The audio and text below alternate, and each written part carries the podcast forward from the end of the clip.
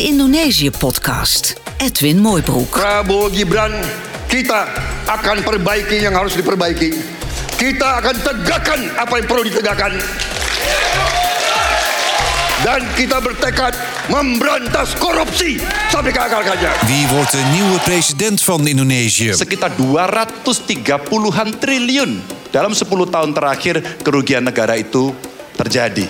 Dan ini ekuivalen kalau bisa kita pakai untuk membuat puskesmas kira-kira 27 ribu. In een speciale live Indonesië podcast bespreken we de uitslag. Undang-undang KPK harus direvisi sehingga KPK menjadi lembaga yang kuat kembali. De verkiezingsspecial van de Indonesië podcast is op 16 februari te beluisteren in je podcast app. De Indonesië-podcast vanuit Jakarta wordt mede mogelijk gemaakt door Dutch Business Network Indonesia en het KIT-LV. De campagne voor de presidentsverkiezingen op 14 februari is in volle gang. Wordt nog een erg spannende strijd. Welkom bij een nieuwe aflevering van de Indonesië-podcast. En te gast is eh, voormalig Indonesië-correspondent en collega Michel Maas. Dag Michel. Hallo. Ik zeg wel eh, voormalig correspondent, maar je bent nog steeds veel met Indonesië bezig, hè? Ja, en ook als eh, associate fellow bij Klingendaal eh, houdt het me wel bezig, ja. Ja, hoe volg jij de verkiezingen? Nou, deze keer helemaal van buitenaf. Want ik eh, ben aangewezen op het internet. Ik zit in Nederland. Maar eh, ja, door de moderne media, zal ik maar zeggen. Door de, de socials, waar een groot deel van de campagnes eh, zich afspelen... is het toch wel makkelijk om het goed te volgen. Ja, dat kan tegenwoordig inderdaad overal. Ehm, ik zei het al, het lijkt een spannende strijd te worden. Is het dat ook?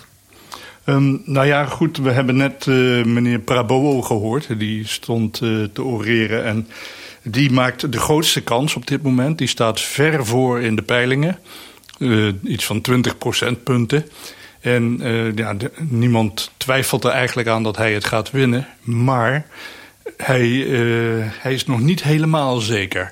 Hij heeft iets van 40 procent, ruim 40 procent.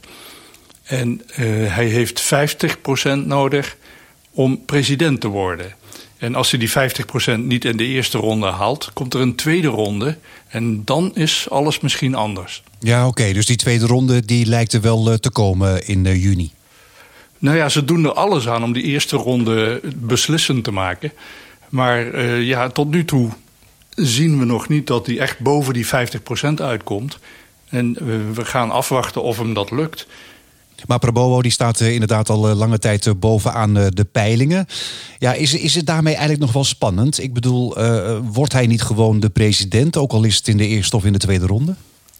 Ja, het is spannend om een bepaald, om een aantal redenen. Want de eerste is of hij het überhaupt wordt. Want als er een tweede ronde komt, dan heb je kans dat alle kiezers van de twee andere kandidaten zich achter zijn tegenstander scharen.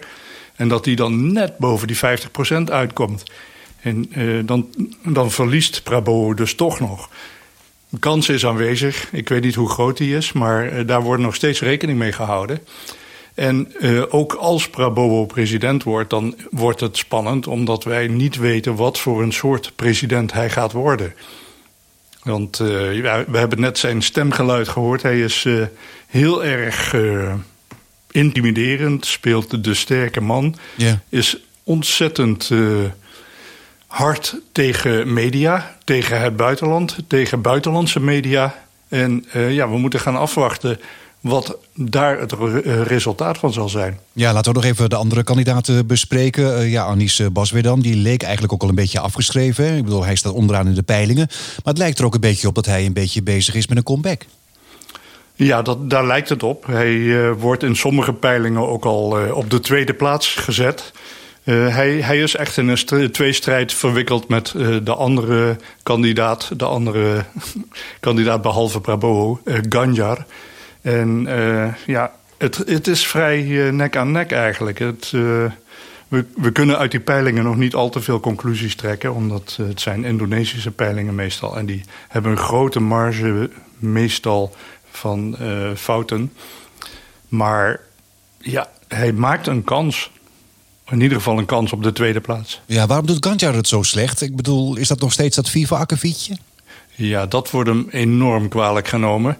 Dat is, uh, ja, uh, dat akkefietje, uh, je hebt het misschien uitgelegd, maar dat is dat de FIFA Indonesië heeft geschrapt als plek voor wereldkampioenschap, voor de jeugdvoetbalkampioenschappen. En dat is geschrapt omdat de gouverneur van Bali heeft geprotesteerd omdat Israël daaraan meedeed. En vervolgens heeft Ganjar heeft zich daar helemaal vierkant achter geschaard... en gezegd van ja, dat voetballen kan niet doorgaan... want als Israël meedoet. En toen heeft de FIFA gezegd, nou, dat uh, schrappen we dan maar. En voor Indonesiërs, uh, enorme voetbalfans... was dat juist een gelegenheid om Indonesië weer op de kaart te zetten... en misschien ook een opstapje naar een echt wereldkampioenschap voetbal in Indonesië. En ja, die kans is verkeken door die uh, houding van onder andere Ganjar. En dat uh, ja, voetbal is heiliger dan wat dan ook in Indonesië. Dus het wordt hem nog steeds nagedragen. Ja, hij zou zich hebben uitgesproken tegen deelname van Israël in opdracht van uh, Megawati. En daarmee werd hij ook een beetje gezien als een pion hè, van Megawati. Ja, ook dat wordt hem uh, niet door iedereen in dank afgenomen dat hij een soort. Ja, een soort uh, hij wordt afgebeeld als een soort schoothondje van Megawati.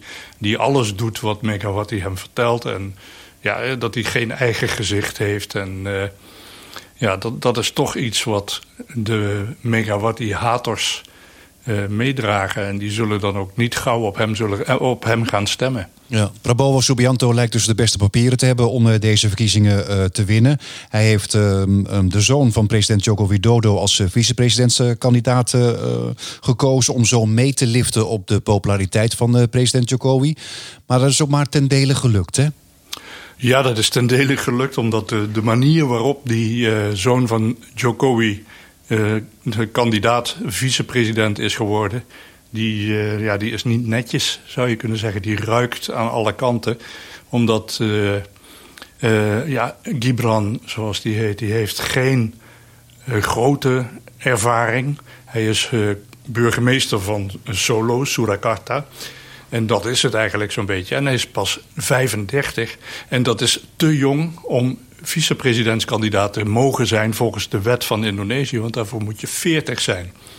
En uh, ja, om dat voor elkaar te krijgen heeft Jokowi de zaak voorgelegd aan het gerechtshof. Het constitutioneel hof. En uh, dat heeft bepaald uh, dat Gibran toch genoeg ervaring heeft... en dat hij voor dit geval een uitzondering mag maken en dat hij toch op de kandidatenlijst mag, ook al is het tegen de wet. En het uh, probleem hierbij is dat de voorzitter van dat gerechtshof... dat was de zwager van Jokowi. En uh, ja, je, je hoort het al, het is, uh, het, het is een familiebusiness geworden.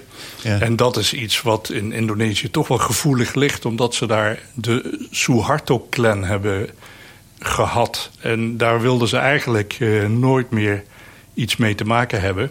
Met het nepotisme, met de, de dynastievorming. En uh, Jokowi heeft jaren geleden ook altijd volgehouden... dat hij dat allemaal niet van plan was. En dan doet hij dit. Dan gebruikt hij zijn, zijn zwager om zijn zoon op de kandidatenlijst te krijgen. En ja, dat, dat wordt ook uh, Prabowo kwalijk genomen, maar vooral Jokowi kwalijk genomen. Ja, maar goed, ik bedoel, veel Indonesiërs zullen ook niet verbaasd zijn hè, dat het zo heeft gewerkt. Nee, ze hebben een beetje een uh, déjà vu gevoel en ze zeggen van, nou ja, zo gaat dat nou eenmaal in de politiek. En uh, gaan verder met hun dagelijkse beslommeringen. Ja, je zei het al, Gibran is 35. Ja, hij ziet er nog veel jonger uit als, je hem, als je hem ziet. Hij valt ook niet overal goed. Hè? Ik bedoel, in de debatten wordt hem ook arrogantie verweten.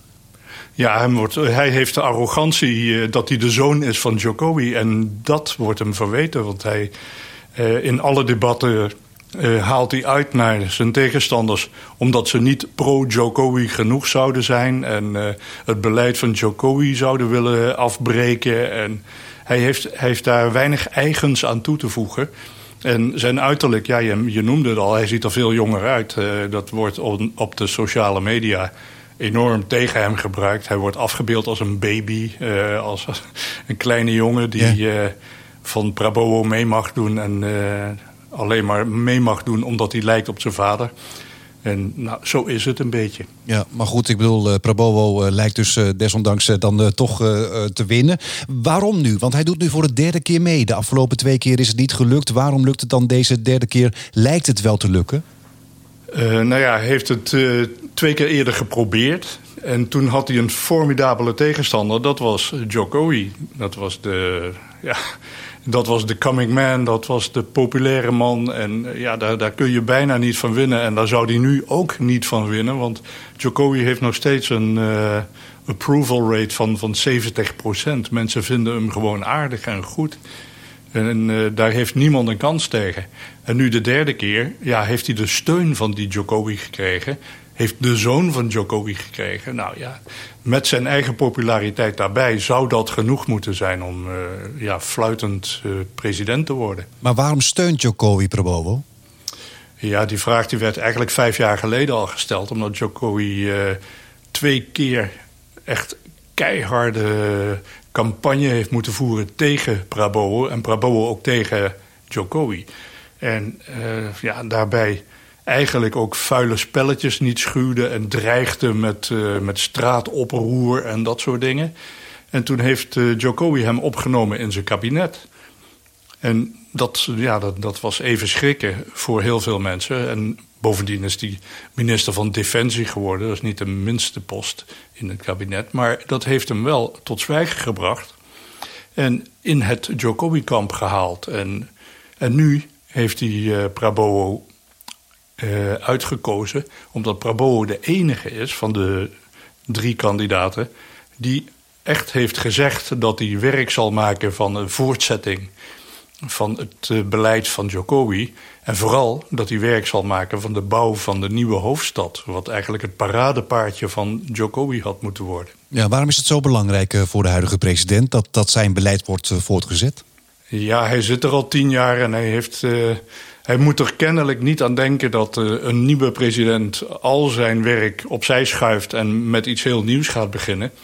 En uh, dat hij vergeten uh, zal worden. En die nieuwe hoofdstad, dat was een plan dat hem tot in lengte van jaren nou ja, herinnerd zou houden. En hij zou de president van de nieuwe hoofdstad zijn. En die andere twee kandidaten, vooral Anis die hebben al laten weten dat ze daar eigenlijk heel weinig voor voelen... om al die miljarden uit te geven om een stad te bouwen in Kalimantan op Borneo. Omdat het, uh, ja, die zien dat plan niet zo zitten als uh, Jokowi. Ja, het is dus eigenlijk om zijn legacy een beetje veilig uh, te stellen. Maar ja, Probowo is ook niet uh, onomstreden. Uh, ja, hij wordt ervan verdacht betrokken te zijn bij mensenrechten schendingen op Oost-Timor. bij de verdwijning van studenten in 1998 rond de val van Suharto. Hij is ontslagen ook al in het leger toen, maar verder niet vervolgd. Wel mocht hij lange tijd ook Amerika niet in. Is dat nu allemaal ineens verdwenen? Nou, verdwenen is het zeker niet. Maar uh, uit de campagne is het wel verdwenen. Want uh, Prabowo heeft al uh, een aantal campagnes achter de rug. En iedere keer kwamen die vragen weer op. En iedere keer heeft hij daar antwoord op gegeven. En langzamerhand is het weggezakt in het geheugen van de gewone Indonesiër. Maar er is een ja, kleine hardnekkige groep NGO's, weldenkende mensen... die, die hem daar aan blijven herinneren... Uh, je hebt uh, de Donderdaggroep. Dat zijn uh, mensen die geleid worden door de moeder van een verdwenen studentenleider uit 1998. Die is verdwenen omdat mannen van Prabowo een soort moordbeleid voerden. En Prabowo daarvoor verantwoordelijk was. Want daarom is hij uit het leger gezet. En die demonstreren elke donderdag voor het presidentieel paleis met grote foto's van Prabowo. Dus uh, mensen weten het wel, mensen onthouden het wel. Maar de groep die daar uh, echt een probleem van maakt, die is heel klein geworden. En die is in de campagne speelt die geen enkele rol meer. Maar, maar waarom is dat dan? Ik bedoel, waarom interesseert het de rest eh, van de bevolking niet zo? Nou, een, een groot deel van de bevolking is jong. Die hebben de hele Suharto-periode niet meegemaakt. Die hebben 1998, de, de grote rellen en uh, de, de tijd waarin uh, die misdrijven plaatsvonden... waarin studentenleiders verdwenen en werden vermoord. Dat hebben ze niet meegemaakt. En uh, dat is voor hun oude geschiedenis. Daar zijn ze niet mee bezig. Ze zijn bezig met het internet, ze zijn bezig met het nieuwe Indonesië en met wat ze zelf daarin kunnen gaan doen. Ja, iets van het verleden is het. Ja, het is iets van het verleden. Ja. Je hebt Prabowo een paar keer ontmoet. Wat voor uh, type is het? Ja, het is, hij, hij, speelt altijd toneel, heb ik het gevoel. Maar het is uh, de laatste keer dat ik hem ontmoette, was heel, heel uh, onplezierig. Want toen was hij uh, ook bezig met het voeren van campagne voor het presidentschap. En toen begon hij al met die, met die haatspeeches tegen media en vooral buitenlandse media. Hij gebruikte ook het woord fake media, omdat ja, dat was in de mode. Dus uh, dat deed hij toen. En dat deed hij toen ook op zijn laatste verkiezingsbijeenkomst in het stadion van Jakarta, waar honderdduizend aanhangers bij elkaar waren en die was hij aan het opjutten. En al die aanhangers, die, dat waren in die tijd uh, radicale moslimgroepen vooral, militante groepen zelfs. Dus dat hele stadion stond vol met, met, met hatende mensen. En die keken, toen hij de fake media aanwees, wees hij naar mij. En ik, ik, stond, uh, ik stond daar ergens uh, midden in dat stadion. En uh, honderdduizend paar ogen die keken mijn kant op. En ze keken allemaal niet vriendelijk. En hij deed er voortdurend een schepje bovenop over... daar heb je ze, de buitenlanders, daar heb je ze, de fake media... Dat zijn ze die Indonesië kapot willen maken. En nou ja, dat, dat soort retoriek. Dat moet niet prettig geweest zijn. Dat was niet aangenaam, nee. Maar uh, zoals je hoort, ik heb het overleefd. Dus uh, zo erg was het dan ook weer niet. Maar het, het tekende wel uh, Prabowo, die gewoon net eigenlijk... ik zou hem bijna willen vergelijken met Donald Trump in Amerika... gewoon alles uit de kast trekt om maar de mensen aan zijn kant te krijgen. Maar nu presenteert hij zich toch op Instagram vooral een beetje als de lieve opa, hè? Ja, dat wel, maar daartussen heeft hij uh, toch zijn uitbarstingen. Want hij is een hele emotionele man en dat is ook zijn grote probleem. Hij wordt boos. In, debatten wordt hij boos, uh, in, in, verkiezingsbijeenkomsten wordt hij boos. Uh, hij, hij, hij, heeft zichzelf niet altijd in de hand.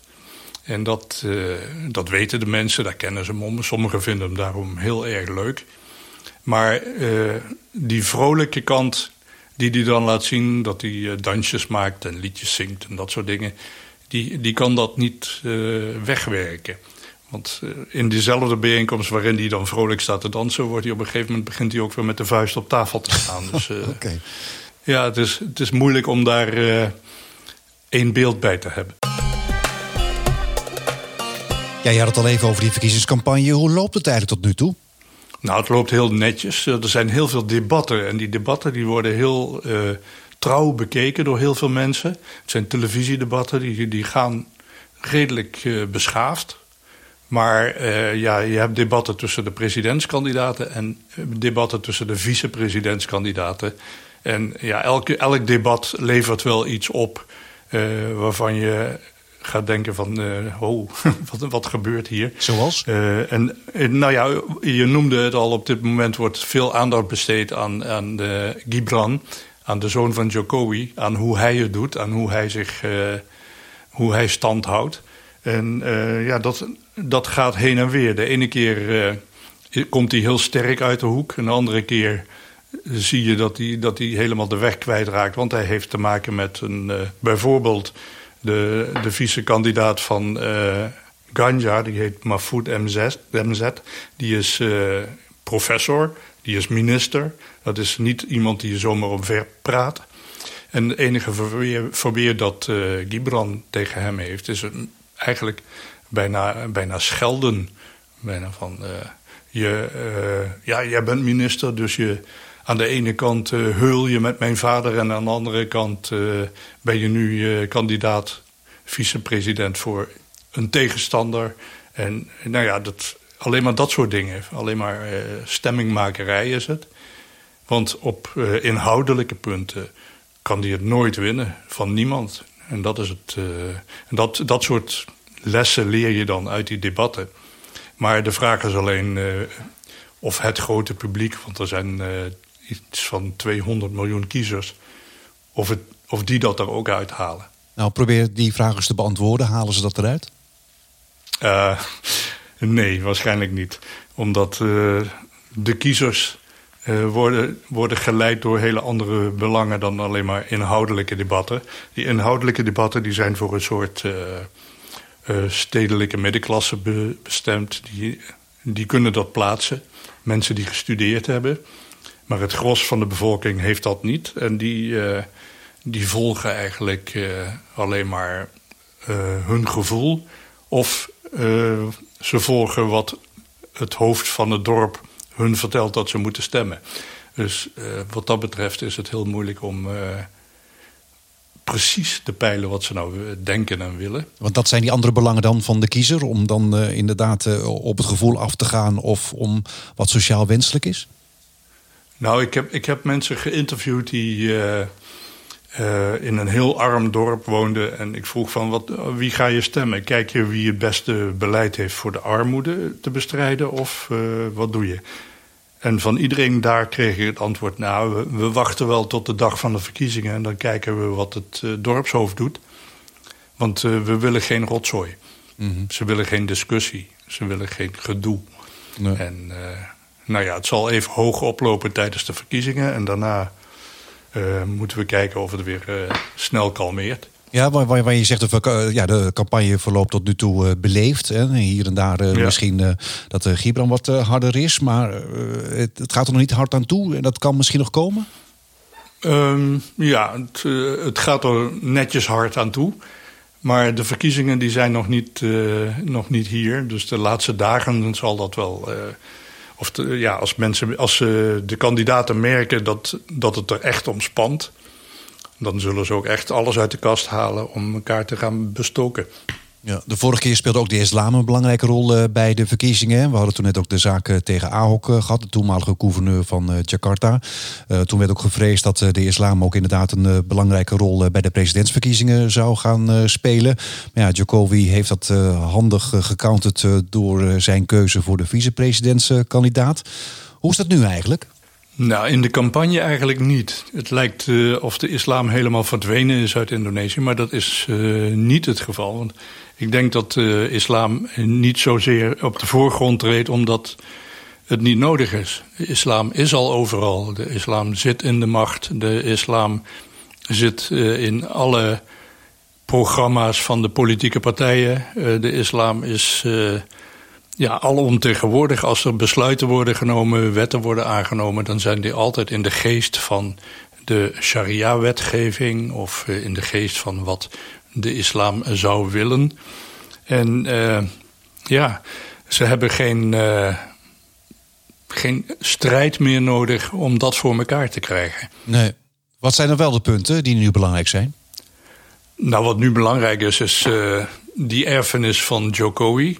Uh, iedereen is blij met infrastructuur, met uh, nieuwe bruggen en wegen. Ook al zijn die niet allemaal even goed en even uh, nodig. Maar het, het verschil wordt gemerkt. Maar waar heel veel mensen twijfel bij hebben... dat is de nieuwe hoofdstad, IKN. Die gebouwd gaat worden, die gebouwd wordt op Kalimantan. En dat is een plan van Jokowi dat tientallen miljarden dollars gaat kosten... En een plan ook waarvan die zegt dat, uh, dat er investeerders opkomst zijn die dat gaan betalen. Maar voorlopig is het een plan dat door investeerders in de steek is gelaten. En dat ook uh, ja, uh, weinig populariteit geniet. Vooral niet onder de ambtenaren die vrezen, vrezen dat ze van Jakarta naar Kalimantan moeten gaan verhuizen. Naar niemandsland nog.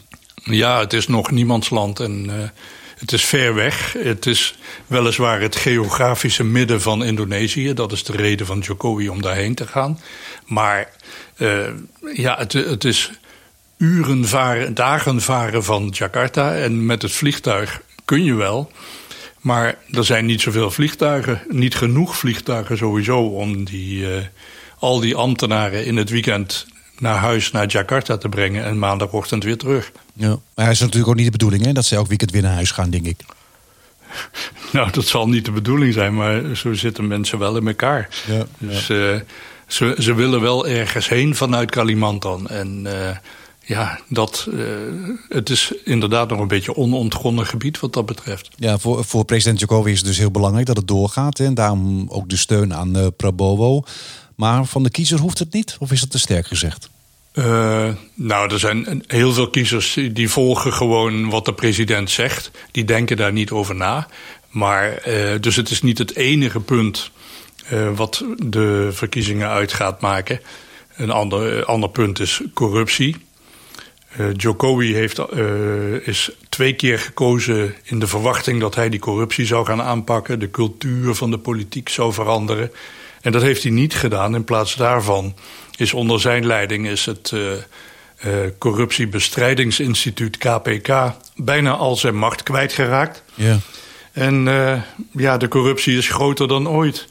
Dus dat, dat is iets wat mensen wel steekt. En als Prabowo roept, we gaan de corruptie aanpakken... dan zullen veel mensen denken van, nou, mooi, gaan we doen. Maar veel mensen zullen ook denken van, ja, Prabowo die zit al tientallen jaren in datzelfde systeem. En er is onder zijn, ja, onder zijn leiding ook niks echt veranderd. Dus uh, wat moeten we daar nou weer mee? Dus ja. er zullen veel mensen zijn die denken van laten we dan in ieder geval Anis of Ganjar kiezen. Die staan allebei wel te boek als uh, redelijk nette, moderne mensen die uh, hun zakken nog niet gevuld hebben. Maar Anis Baswedan die wil ook de KPK weer meer macht geven. Ja, absoluut. En ja, wat dat betreft is de hoop gericht op, op hem. Maar ja, dat, er is toch maar een, een, kleine groep in Indonesië die zich echt over, dat, over die corruptie zorgen maakt. Omdat Indonesiërs hebben ermee leren leven. Die weten dat het zo loopt. En er zijn mensen corrupt en die worden heel rijk. En wie de baas is uh, van een dorp, van een provincie, van, van het land... die zal gaan proberen om daar ook aan te verdienen. De vorige keer was het ook na de verkiezingen onrustig vanwege de uitslag. Zal het nu vlekkeloos gaan? Nou ja, dat ligt aan de uitslag. Hè. Als, uh, als Prabowo weer gaat verliezen, dan denk ik dat hij uh, ja, echt uh, gaat doen wat hij kan. Gaat verzinnen wat hij kan. Gaat bedenken wat hij kan. Want hij heeft zijn laatste kans. Hij heeft het drie keer geprobeerd. Hij is nog één keer daarvoor zelfs nog als kandidaat vicepresident van Megawati in het strijdperk getreden. Hij heeft elke keer verloren deze keer, dit is de keer dat hij moet winnen. Dat hij president moet worden. Want hij is 72. En als het nu niet lukt, dan is de, de vraag of het ooit nog gaat lukken. Is, uh, moet je bijna met nee beantwoorden. Gaat het een groot verschil maken voor Indonesië wie de president wordt? Um, nou, nee, als, zeker niet als het Prabowo wordt. Die zal op heel veel terreinen gewoon doorgaan met, uh, met hoe het gaat. En uh, eigenlijk zie je dat bij, bij, heel, bij alle presidentswisselingen in uh, Indonesië tot nu toe, van de afgelopen twintig jaar. Dat ze beginnen met hoge verwachtingen, alles gaat anders worden. En ze eindigen als meer van hetzelfde. Dus Indonesië heeft een manier gevonden om met zichzelf om te gaan, met zijn corruptie, met alles wat, van het, wat door het buitenland naar voren wordt gebracht. Mm. En, en dat is iets wat, wat je niet zo eenvoudig verandert. En je kunt alleen maar hopen dat uh, als er iemand zoals uh, Anis Baswe dan president zou worden, dat de corruptiebestrijding weer tanden krijgt en uh, dat er toch een soort moderne geest gaat waaien. Dat zag je ook in het begin van Jokowi's presidentschap. Toen, toen wilde die van alles veranderen, er werd van alles veranderd, maar uiteindelijk zakte het uh, dan toch weer terug naar uh, oude vertrouwde patronen. Maar goed, aan de andere kant, economisch gaat het best goed. Je kunt ook misschien zeggen van ja, als het werkt, dan werkt het. Ja, precies. Dat, eh, dat is ook het punt. Als, als het nou economisch heel slecht zou gaan, als alle prijzen gigantisch de lucht in zouden gaan en uh, de gemiddelde Indonesiër bijna geen geld meer zou hebben om, om zijn nasi te kopen, dan zou het heel anders eruit zien. Dan zouden mensen wel de straat op gaan en zich heel erg druk maken over deze verkiezingen. Maar nu niet, omdat het inderdaad economisch best goed gaat en dan de, nou ja, de status quo is dan ook prima. Ja, dat, eh, dat uh, speelt zeker een rol. Ja. Welke kant gaat het allemaal op, denk je, in Indonesië? Nou, langzaam, heel langzaam gaat het, uh, gaat het vooruit. Maar je zegt economisch gaat het best wel goed. Wat, uh, de, uh, wat Indonesië kenmerkt, en zeker onder Jokowi, is het nationalisme. Het gaat Indonesië wel goed, maar buitenlandse zakenleven heeft het nog altijd heel erg moeilijk om een vaste voet aan de grond te krijgen.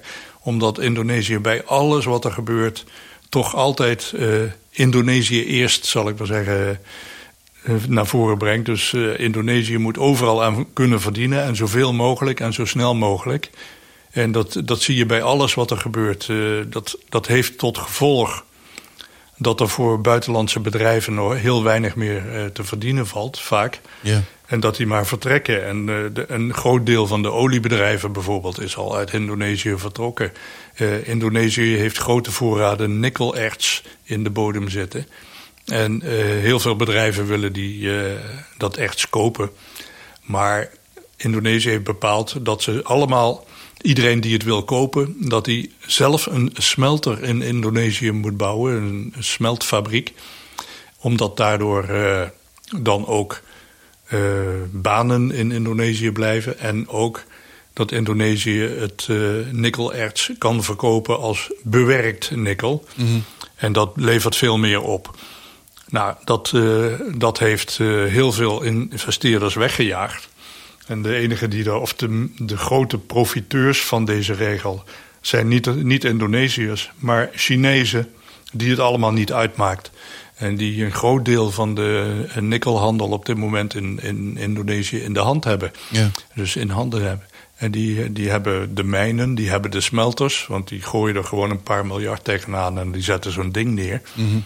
En die zien wel of ze er uh, wat aan gaan verdienen. Wat zij belangrijker vinden, is dat zij dat, uh, dat nikkel hebben. Ja, en belangrijk voor, uh, voor elektrische auto's inderdaad. Dus de Chinezen ja. zijn nu de lachende derde. Maar aan de andere kant kan je ook bijvoorbeeld zeggen dat Indonesië een beetje beschermend is. Op, is op zich ook niet zo vreemd. Hè? Je moet toch heel veel mensen, 270 miljoen mensen, uiteindelijk aan het werk krijgen.